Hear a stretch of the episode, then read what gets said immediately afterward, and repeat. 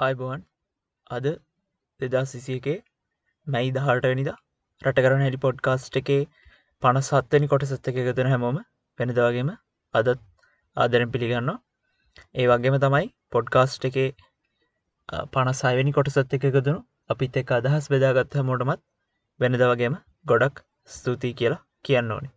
අද පොඩ්කාස්ට් එකෙන් අපි කතා කරන්න බලාපොරොත්තු වෙන්නේ බෝඩර එක ගැන සහ ඊලොන් මස්ක් ගැන. ඉතිං පොඩ්කාස්ට එකට එන්න කලින් අද මැයි දහටවනිද ඊලාම් යුද්ධ ඒ යුද්ධය ඉවර කරන්න දායකවුණු සියලුම දෙනාව අපි මේ වෙලාවේ මතක් කරන්න ඕනේ. ඉතින් ඒ මතක් කිරීමත් එක්ක අපි අපේ පළවෙනි මාතෘකාවට යමු.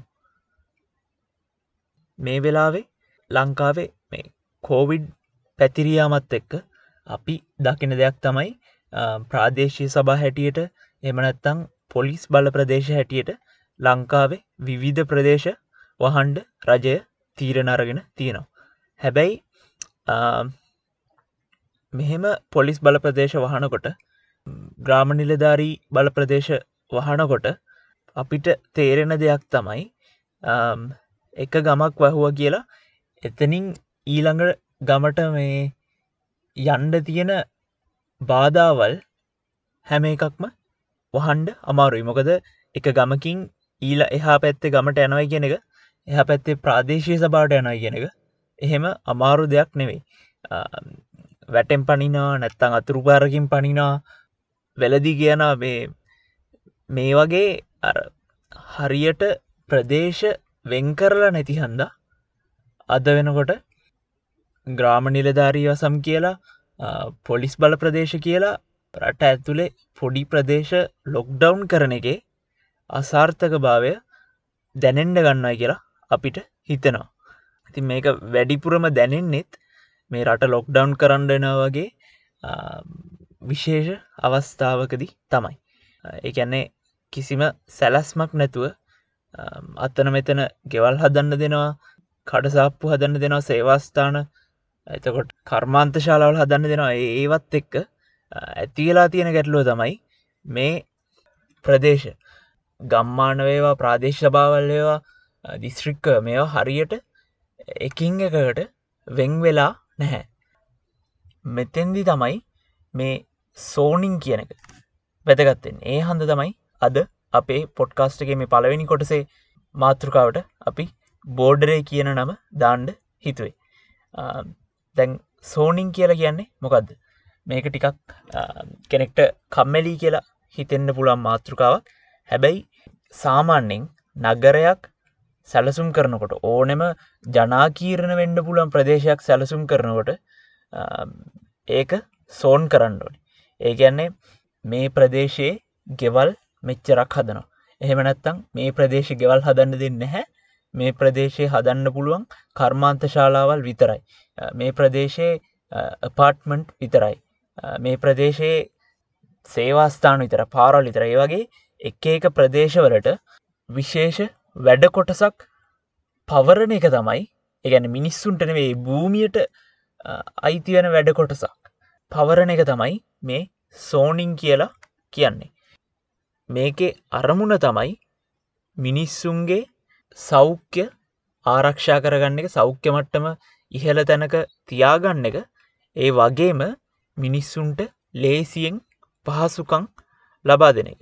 මේක එතකොට කෙරෙන කොමද ගැනේ සාමාන්‍යෙන් මිනිස්සුන් ඉන්න ප්‍රදේශ ගමක් වෙළඳ කලාපය හා පැත්ති තිබොත් එහෙම එතන වෙළඳ කලාපෙන් පිටවන විශවායු තියෙන්න්න පුළුවන් සද්ධ දූෂණය තියෙන්න්න පුළ මේ වගේ දේවල් හන්ද ඒකෙන් මිනිස්සුන්ගේ සෞඛ්‍යයට අහිත කර බලපෑම් එල්ල වෙන්න පුළුවන්. එතකොට හරියට සෝනින් කෙරෙනවා නම් එහෙම දේවල් සිද්ධ වෙන්ඩ බැහැ එක නගර එක ඒ නගරේ වටේ ජීවත්වෙන් ජීවත්වෙන මිනිස්සු එක ප්‍රදේශයකට ගෙනල්ල තියෙනවන ගැන්නේ මේ ප්‍රදේශයේ කඩසාප්පු දන්නේ. මේ පැත්තේ සේවාස්ථානටි මේ පැත්තේ කර්මාන්ත ශාල ශාලාවල්. එතකොට තව තැනක ගෙවල් ටික කියලා හෙම නක් ප්‍රාදේශි සභාවක් නගර සභාවක් සෝන් කරොත් හෙම එතන එතන්දී ඒ ප්‍රාදේශ සභාවට නගර සභාවට ලේසි වෙනවා. අර මිනිස්සු ඉන්න පැත්තට ලේසියෙන් කරන්ට් දෙෙන්ඩ වතුර දෙෙන්ඩ ඉස්කෝලයක් දෙන්න. එතකොට අර මුළු ප්‍රාදේශ සභාවට නගර සභාකට මිස්කෝල හතර පහක් හදනට වැඩිය අර මිනිස්සු ඉන්න ප්‍රදේශය මුල් කරගෙන ඉස්කෝලයක් හදනකොට සල්ලිතුරු වෙනවා යටිතල පහසුකම්වලට යන විදන් අඩුවෙන ඒ වගේ දෙයක් තමයි මේ සෝනිං කියලා කියන්නේ. ප්‍රශ්නය වෙන්නේ මේක ලංකාවේ හරියට කෙරෙන්නේ නැහැ. අපි අර කලින්ගත්ත වෙළඳ කලාපි උදාහරණය වගේ හරියට සෝනිං තිබ්බනං බියගම වෙළඳ කලාපි හා පැත්තේ ගෙවල් තියෙන්ට විදිහක් නැහැ. කුඹුරු හයිවේ එකකින් එක පාට්ටම දෙකට ගැඩිල දෙපැත්තට වෙන්ගෙන් නිදිහක් නැහැ. එයාපෝට් එක අස්සෙම මිනිස්සුන්ගේ ගෙවල් හැදැන් විදිහක් නැහැ. හැබැයි මේ සෝනිං වල තියෙන ගැටලු හන්ද එක සිද්ධ වෙන්න නැති හන්ද. එක සිද්ධවෙන්න බොහොම සුළු ප්‍රදේශයක හන්ද. ලංකාවේ මේ වගේ සෞඛ්‍ය ගැටලු ඇති වෙලා තියෙනවා. එතකොට හොඳ සෝනිං තියෙන මේ හොඳ සැලසුම් කරනයක් තියෙන රටවල් වල ඉන්ඩස්ට්‍රේල් ඒරිය ගැන්නේ කර්මාන්ත ශාලාවල් තියෙන්න්න වෙනම මිනිස්සු ඉන්න වෙනම කටසාප්පු තියෙන වෙන මේ වගේ ප්ලෑන් කරලා තියෙන ඒ හන්සම යර පිටරටාලට ෆිල්ම් බලන්නකොට ගෙවල් යායට තියෙන්නේ. ඉඩස්සේ පොඩ්ඩක් හටිහම සුපමාකට් එක කර්මාන්ත ශාලාවල්ටික යායට වගේ තියෙන්නේ. එතනින් හටිහාම කැලෑව යායට තියෙන්නේ. මේක සාර්ථකව කරන රටක් තමයි ජපානය. එකැන්නේ අනිත් රටවලලත් සෝනිං කියන එක තිබ්බට ලෝකෙ අනිත් දියුණු රටවලට මේ සෝනිං කියන එක හන්ද සැලසුම් කරණය හන්ද ඒ රටවල්වල තියෙන ගෙවල්වල මිලගනං අසීමාන්තික විදිහට වැඩි වෙනවා. ගොඩක් ලෝකෙ දියුණු රටවල්ලට ඒක එහෙම තම හැබැයි ජපානයේ සෝනිං කරන ඒකොල්ලන්ගේ සැලැස්ම හදන්නේ මධ්‍යම රජයෙන් ඒ හදන සැලැස්මේ සාර්ථක බහන්දා ඒගොල්ලන්ගේ ගෙවල්වල මිලගනං ගොඩක් අඩුයි. සහ මිනිස්සුන්ට තියෙන පහසුකම් ගොඩක් වැඩි. ඒකට මුල්වෙන හේතුව තමයි මේ සෝනිං කියලා කියන්නේ. අපි පොඩ්කාස්ට් එකේ ඩිස්ක්‍රපෂන් එක ලිංක එකක් දන්නම්. වැඩි විස්තර බලන්න ඕනයට ඒ පඩF එකත්තිනවා රජ ජපාන රජයෙන් හදපු එකට ගිහිල්ලා විස්තර බලන්න පුළුවන් ඉංගලිශ්ලික් තියෙන් ඉතිං මේ ජපානේ නාගරික සීමාවල් කොටස් දොළහකට වෙන් කරනවා. ඒ කොටස් දොළහා එතකොට මිනිස්සුන්ට ඉන්න පුළුවන් කොටස් කියලා වෙනම තියෙනවා එතකොට බිස්නස් වලට කියලා කොටස් වෙනම තියෙනවා කර්මාන්ත ශාලාවලට කියලා කොටස් වෙනම තියෙනවා. එතකොට මේ තුන තවත් කොටස් වලට බෙදලා සම්පූර්ණ සෝන් දොළහක් හදල තමයි ජපානයේ නගර නිර්මාණය කරන්න. ඉතිං මේකෙන් ජපානයට තියෙන වාසිය තමයි මිනිස්සු අර කර්මාන්ත ශාලාලින් දූෂණයෙන් පොඩ්ඩක් එලියටෙනකොට සෞඛ්‍ය පහසු මිනිස්සුන්ගේ සෞඛ්‍ය තත්ත්වය වැඩි වෙනවා. එතකොට මිනිස්සු එක තැනකට මිනිස්සු එකට ලංවෙන්ඩ ලංවෙන්ඩ පහසුකම් දෙන්ඩ ලේසි වෙන යටිතල පහසුකම් දෙන්න ලේසි වෙන ස්කෝලයක් දෙන්න ඉස්පිරිතාලයක් දෙන්න ලේසි වෙන ඉඩකඩ වැෑ වෙන ප්‍රමාණය අඩුවෙන මේ ඩොකියමන්ට එකෙම තිබ්බා ජපානයේ වනගනත්ව සීයට හැට හතක් විදර කියලා එතකොට කැලෑ කපන ගඩුවෙනවා තදපද අඩුවෙනවා ගෙවල්වල ගණන් ගොඩක් අවම වෙනවා. ඉතින් මේවා තමයි මේ සෝනිං කියන එක හරියට කරොත් ඇතිවෙන වාසි. හැබැයි මේක වැරදියට කළොත් එංගලන්තය ඇමරිකාව වගේ රටල් දිහට හැරනොත්හෙම ඒ රටල්වල සෝනිං කියන එක ප්‍රශ්නයක් වෙලා තියෙන එක ප්‍රශ්නයකට උත්තරයක් වෙනුවට ප්‍රශ්නයක් වෙලා තියෙනවා. ගෙවල් හදන්නිහාම මේ හරි සෝනිං පර්මිට් එකක් ගණ්ඩ අමාරුවෙන් හන්ද? ගෙවල් වලට අවසර ගන්න අමාරු ඉට පස්සේ මේ සෝනිං පාවිච්චි වෙනවා මිනිස්සුන්ගේ අර මුදල් උපයන ප්‍රමාණය මත. දුප්පත් පොහොසත් කියලා පැතිවලට වෙන් කරලා දුප්පත් පැතිවලට අඩු පහසුකන් ලබා දෙන්න පොහොසත් පැතිවලට වැඩිපුර පහසුකන් දෙන්න. ඉතින් මේ වගේ වැරදිීට කරොත් සෝනිං වලත් අඩුපාඩු තියෙන ඉතිං අපි හිතන්නේ මේ කොරෝනත් එක්ක දැන් ලංකාවේ මිනිස්සුන්ගේ සංචරණ සීම පණවන්ඩිහම ගැටලුවානේ. ඒ වගේම දැන් පරිසරය සම්බන්ධ ප්‍රශ්නත් වෙනවානේ මිනිස්සු පරිසරය අක්‍රමණය කරනවා. එතකොට ඒකෙන් පරිසරය ඒකට ප්‍රතික්‍රියා දක්වනවා.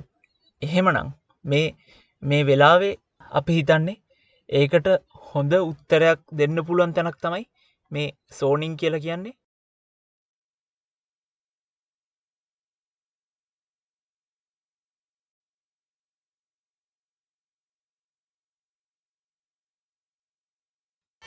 Ladies and gentlemen, Elon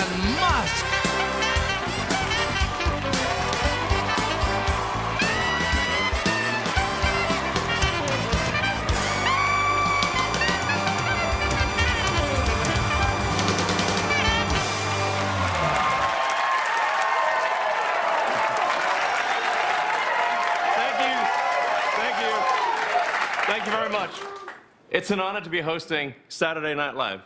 I mean that. Sometimes after I say something, I have to say, I mean that. so people really know that I mean it. That's because I don't always have a lot of intonation or variation in how I speak, which I'm told makes for great comedy.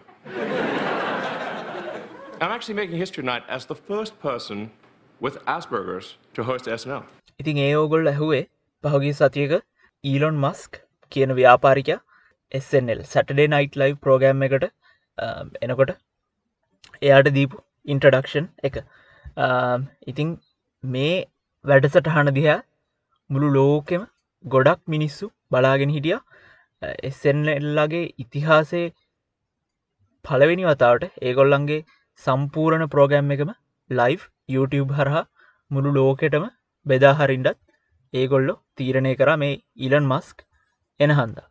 දැන් මේක දිහා මිනිස්සු බලාගෙනින්ට තවත් හේතුවක් තිබුණා.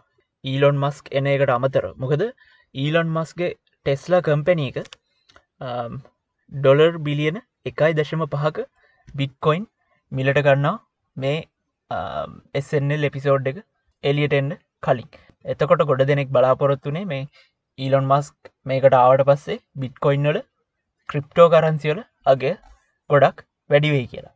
ආම්, කොහොමරි මේ Tesla කම්පැනික dollar බිලියන එකදශම් පහටෝ කරන්සි අරගෙන ඒගොල්ල කියනවා අනාගතයේ ඒගොල්ලන් තමන්ගේ ටෙස්ලකාර් විකුණන්ඩ ලෑස්තිනයි කියලා මේ ක්‍රිප්ටෝ කරන්සි භාවිතා කරනත්. එතකොට ඩොලර් දෙනවනට රුපියල් දෙනවනට කැමතින මිනිස්සුන්ට ක්‍රිප්ටෝ කරන්සි දීලා ටෙස්ලකාර් ගන්න පුලුවන් කියල තමයි ඊලොන් මස්ක් කියන්නේ. මේක තමයි ඊලොන් මස්ක් ප්‍රමෝට් කරන්න. ඒක හන්ද වැඩිපුර මිනිස්සු ප්‍රමාණයක් වෙනදට නොබලන මිනිස්සු ප්‍රමාණයක් එදා මේ එස්සෙන්ල් එකේ එපිසෝඩ් එක බලන්ඩ එකතු වෙනවා. එතකොට ඊලොන් මස්ක් ප්‍රමෝට් කරන එයා එයාගේ එයා ප්‍රවර්ධනය කරන එක බිට්කොයින් එක ක්‍රිප්ටෝ කරන්සි එකක් තමයි ඩෝජ් කොයින් කියලා කියන්නේ. අපි බිට්කොයින් ක්‍රිප්ටෝ කරන්සි ගැන වෙනම කතා කරමු. නමුත් මේ මේ අපි ලංකාවේත් සෝෂල් මීඩියාවල දකිනවා. ශිබයිනු බල්ලෙක්ගේ ෆොටෝ එකක් දාලා මීම් හදනර කහපාට මූුණක් තියෙන බල්ලෙක්කින්නේ ඒ ඒක මුල් කරගෙන තමයි මේ ඩෝජ් කොයින් කියන එක හැදෙන් ඒකැන්නේ ඒකට බිට්කොයින් වගේ කාර්යභාරයක් නැහැ. ඒවුනට අපි දන්න මිනිස්සු රත්තරංවලට කැමති. එතකොට ඒ රත්තරංවලට කැමති හන්ද ඒකට වටිනාකමක් දීලා තියෙනවා. හැබැයි අපි ඒක වඳුරෙක්ට දුන්නොත් එහෙම වඳුරට රත්තරංවල වටිනාකමක් නැහැ. එකත් එකන් තාව මොන හරි යකඩ ගැල්ලක් වගේ තමයි. ඉතින් ඒ වගේ ඩෝච් කොයින්වලට වටිනාකමක් දෙන හන්ද ඒකේ අගේ වැඩියන ඉතින් ඊලොන් මස්ක් මේ ක්‍රිප්ටෝ කරන්සි ගන්නකොට ඩෝච් කොයින් කියන ක්‍රිප්ටෝ කරන්සි වර්ගෙටත් එයා කියන වටිනාගමත් තියෙන හැමෝම මේක ගණ්ඩ මේක ඉස්සරහට මේක අගේ එන්ඩෙන්ඩ වැඩියනයි කියලා. මේකින් වෙනදේ තමයි මිනිස්සු සල්ලිදීලා ඩෝච් කොයින් ගන්න ඒ විතරක් නෙවෙයි. අනිත් බිට්කොයින් වර්ගත් ගන්න හැබැයි ඊලොන් මස්ක් මේ සැටඩේ නයිට් ලයි් වැඩසටහනට ඇවිල්ලා ඒ අවසන් කරට පස්සේ එක පාට්ටම බිට්කොයින් මාක ක්‍රිප්ටෝ කරන්සි මාගට් එක කඩක්වටෙනවා පොඩ්ඩක් ගොඩක් නෙවෙයි යම් ප්‍රමාණයක්. හැබැයි මේ මීම් සංස්කෘතිය පාවිච්චි කරලා එයාට පුළුවන්ගෙන මනෝමය මුදලකට කොලේක ලියල නැති මුදලකට වටිනාකමක් දෙන්ඩ ඉතින් කොහොම හරි මේ එයාගේ එස්සෙන්නෙල් වැඩසටහනින් පස්සේ සතියකට පස්සේ ටෙස්ලා කම්පැනී එක ඒගොල්ලං ළඟ තියෙන ක්‍රිප්ටෝ කරන්සිවලින් සීයට දහයක් විකුණනවා. ඒ විකුණලා ඊලොන් මස්ක් කියන ක්‍රිප්ටෝ කරන්සිවලින් පරිසර දූෂණයට බොහොම ලොකු බලපෑමක් කෙල්ලෙනවා ඒක හන්ද ඒගොල්ලෝ තවදුරටත් ටෙස්ලා ක්‍රිප්ටෝ කරන්සි හරහා අ, මිලට ගන්න ප්‍රොජෙක්්ගේ ප්ලෑන් එක ක්‍රියාත්මක කරන්නේ නැහැ කියලා. මේක මේ අලුතෙන් හොයාගත්ත දෙයක් නෙවෙයි. ඉස්සරි නම්ම ක්‍රිප්ටෝ කරන්සිවල් තිබ ගැටලුවක් තමයි ක්‍රිප්ටෝ කරන්සි හඳ ඇතිවෙන අහිතකර පරිසර දූෂණය. ඉතින් කොහොම හරි ඊලොන් මස්ක් මේ ක්‍රිප්ටෝ කරන්සි නවත්තනයි කිව්වත් එක්කම ක්‍රිප්ටෝ කරන්සි මාකට් එක විශාල වශයෙන් කඩංවටෙනවා මිනිස්සුන්ට ලොකු පාඩුවක් සිද්ධනවා නමුත් තාමත් ටෙස්ල කම්පැන එක ඒගොල්ලන්ගේ ඉතුරු බිට්කොයින් සියට අනුවක් ඒගොල්ලන් ඇතේ විකුණන්න නැතුව තාම තියාගෙන ඉන්නවා. එතකොට මේ ඊලොන් මස් එන්න හදන්න මොන පොටද කියලත් ප්‍රශ්නයක් ඇතියෙනවා හැබැයි අද අපි කතා කරන්නේ මේ මාතෘකාව කතා කරන්නේ බිට්කොයින් ගැනවත් ක්‍රිප්ට කරන්සි ගැනවත් බ්ලොක්්චේන් අරාමයෝ ගැනවත් නෙවෙයි. ඒක ගැන වෙන වෙලාවක කතා කරමු. දැන් එස්සෙන්ල් කියලා කියන්නේ මොකද සැටඩේ නයිට් ලයි් කියලා කියන්නේ ඇමරිකාවේ ජනප්‍රිය ප්‍රෝගෑම් එකක්. ස්කෙච් කොමඩි කියල කියන්නේ අර ලංකාවෙත්තර ආටක නාටක වගේ පොඩි පොඩි කොටස් තියෙන ස්කෙච් තියෙන ප්‍රහසන වැඩසටහන් තියෙන ගත්තමයි එස්සල්ගේ එස්සල් කියල කියන්නේ. ඒක කොමඩිවල බටහිර කොමඩිවල තියෙන ඉහළම තැන කියලා කියන්නත් කෙනෙක්ට පුළුවන්. මොකද ඒ තරම් බලපෑමක් ඒකට විශේෂම අසූ ගණන්වල අනු ගණන්වල තිබුණ. නමුත් අද වෙනකොට ඒගොල්ලන්ට මේ සෙන්නල් එකට තියෙන බලපෑම ටිකක් අඩුවෙනා වෙන්න පුළුවන්. හැබැයි තාමත් ඒගොල්ලන්ට තියෙන රීච්චක ගොඩක් ලොකුයි. හරියට නිකං අටපට්ටම කෝපි කඩයකි මිනිස්සු නොබැලුවට ඒගොල්ලන්ට විශාල බලපෑමක් තිබ්බ සහ තාමත් අනි වැඩසටහන්වලට සාපේක්ෂ ඒගොල්ලන්ට ලොකු බලපෑමක් තියෙනවා. කොහොමරි මේ එස්සෙන්ල් කියන වැඩසටහන සාමාන්‍යෙන් ආරාධිතයෙක් තමයි හැම සතියකම සෙනසුරාදට හෝස්ට් කරන්නේ. එතකොට මේ ආරාධිතයක් ගොඩක් කලාට ගායකෙක් නළුවෙක් එහමනත්තං රියලිඩි ෂෝ එකක ස්ටා කෙනෙක් ඒවගේර එන්ටටේටමන් ඉන්ඩස්ට්‍රිකට සම්බන්ධ පුද්ගලෙක් තමයි මේ ප්‍රෝග්‍රම් එක හෝස්ට් කරන්නේ. බිල්ගේට්ස් වගේ අය එතකොට බැරක් කොබාම වගේ අය මේකේ රංගපාල තියෙනවා. හැබැයි හෝස්ට් කරලා නැහැ. ඩොනල් ට්‍රම්ප් එයා රියලිටි ෂෝ එකක ස්ටා කෙනෙක් වෙලා ඉන්න කාලේ දෙදස් හත්තරය වගේ මේ ෂෝ එක හෝස්ට් කරා කියලත් කියලා තියෙනවා. හැබැයි අද මේ ඊලොන් මස් කැවිල්ලා මේ ප්‍රෝගෑම් එක හෝස්ට් කරන එකේ විශේෂත්වය තමයි පළවෙනි වතාවට හෙමර එන්ටරේටමන් ඉන්ඩස්ට්‍රිකට සම්බන්ධ නැති ටැලන්ට් වෙනුවට සල්ලි තියෙන හන්ද මනුස්සෙක් ඇවිල්ලා එස්සල් කියන ප්‍රෝගෑම් එක හෝස්ට් කරන එක. එතකොට කෙනෙක්ට ඉතින් සාධාරණ තර්කයක් ගන්න පුළුවන්. එයා ඉලෙක්ට්‍රික් කාර් හදනවා මිනිස්සු අඟහරුට යවන්න හදනවා හන්දට යවන්න හදනවා. සහයාටර මීම් කල්චර් එකට ලොකු බලපෑමක් එල්ල කරන්න පුළුවන් කියලා ඒවගේ කෙනෙක්ට කියන්න පුළුවන්. හැබැයි මිනිස්සු අඟහරුට යවන්ඩ උත්සාහ කරනය තවත් ඕනෙ තරඟන්න ප්‍රයිවට් බිස්නස් තියෙනවා. ඒ ඒක ගැන රිසර්ච් කරන එතකොට රාජ්‍යායතන තියෙනවා. එතකොට ඉලෙක්ට්‍රික් කාර් හදන කම්පැනිස් තියෙනවා. ඒ විතරක් නෙවෙයි. මීම් කල්චරකට ඊලොන් මස්ටඩී බලපෑම් කරන්න පුළුවන්. මේ මාක් සකබ කෙනෙක් වගේ කෙනෙක්. තාම එස්සල් වැඩසටහන හෝස්ට් කරන්න කතා කරලා නැහැ. ඉතිං ඇයි අපි මේක ගැන මෙච්චර වද වෙන්න ඕන මෙච්චර විස්තර හැන්න ඕන්? මෙතෙන්දි අපි දකින්න දේ තමයි ව්‍යාපාරිකෙක් තමන්ගේ තියෙන මුදල් හරහා තමන්ට තියෙන එල්ල කරන්න පුළන් බලපෑමේ ප්‍රබලත්වය හරහා මිනිස්සුන්ගේ ජීවිතයට කොච්චර විශාල බලපෑමක් කරනවාද කෙනෙ මේක අලුත් දෙයක් නෙවෙයි. සාමන්‍යෙන් පත්තරේ අයිතිකාරෙට්ට ටීව එක අයිතිකාරෙට්ට ලොකු බිස්නස් අයිතිකාරින්ට මිනිස්සුන්ගේ මිනිස්සු එදිනෙදා ජීවිතයේදී පාවිච්චි කරන්නේ මොන සබං එකද ගන්න මොන ටීව එකද ලැප්ටොප් එකද කම්පිටරේද මේ හැම දෙයක්ම තීරණය කරන්න පුළුවන්. ඒ විතරක් නෙවෙයි රටක පාලක හැටියට පත් කරන්නේ කවුද කියලා තීරණය කරන්න පුළුවන්.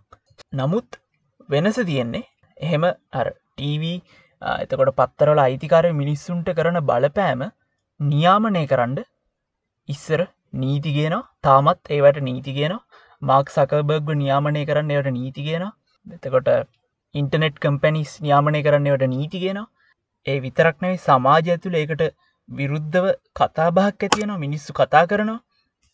හැබැයි අද වෙලා තියෙන දේ තමයි මේ ඊලොන් මස්ක් වටේට එකතු වෙලා ඉන්නේ. එයාගේ ඒ බලපෑමට අර කැමැත්තෙන්ම නැමිච්ච මිනිස්සු කොට්ටාශයක්. ඒ කියන්නේ මාක් සකබර්ග් ෆේස්බුක් එක හරහා කරන බලපෑමට හැම මනුස්සයක්ම හැම මනුස්සයම කැමැත්තෙන් නැමෙන්නේ නැහැ. මොකද මිනිස්සු කැමතිනෑ තමන්ගේ පෞද්ගලික තොරතුරු ෆේස්බුක් එකෙන් සල්ලිවලට විකුණනට ඒකට විරුද්ධ නීති ක්‍රියාමාර්ග ගන්න. හැබැයි ඊලොන් මස්ක් මිනිස්සු මේ වෙනකොට පාවිච්චි කරන ක්‍රිප්ටෝ කරන්සි වගේ මුදල්ල එකක වටිනාකම එක ටුයිට් එකකින් එක පාට්ටම වට්ටල දානවා. ඒ මාකට් එක ගොඩත් දුරට කඩාවට්ටන එතකොට එහෙම එක පුද්ගලෙක්ට එච්චර බලපෑමක් කරන්ඩ දෙන එක හොඳයි දේක ලෝකයේ යහපතට හොඳ දෙයක්. ෆිල්ම් බලන කට්ටිය දන්න තිර හංගගේම්ස් වගේ අනාගතයේ තියෙන කතාවල්ලට සාමන්‍යෙන් ඉන්න දුෂ්ටයාගේ චරිතයට එකං ගොඩාක් සල්ලි තියෙන බිස්නස් කාරෙක් වගේ කෙනෙක් එහෙම නැත්තන් දේශපාලඥයෙක් වගේ කෙනෙක්. ඉතිං අද වෙනකොට මේ මේ ඊලොන් මස්ක් වටයට එකතු වෙන බලයත් එහෙම අර ෆිල්ම්වල තියෙන ෆිල්ම්වල දුෂ්ටයට තියෙනව වගේ බලයක් කියල තමයි අපිට හිතෙන්නේ. ඉතිං ඒක ගැන අපි පරිස්සංවෙන්න ඕනේ. ඒකෙන් අපිට වෙන බලපෑම ගැන අපි මීටඩි පරිස්සංවෙන්න ඕනි සහ හිතල බලන්න ඕනේ. ඉතිං ඒකත් එක්ක අදට අපි අප පොඩ්කාස්ට් එකේ පනස් හත්වනි කොට සවසන් කරනවා. නැවතත් පොඩ්කාස්ට් එකේ පනස් අටවැනි කොටසෙන් හමෙනකම් හැමෝටම අයිබෝවන්.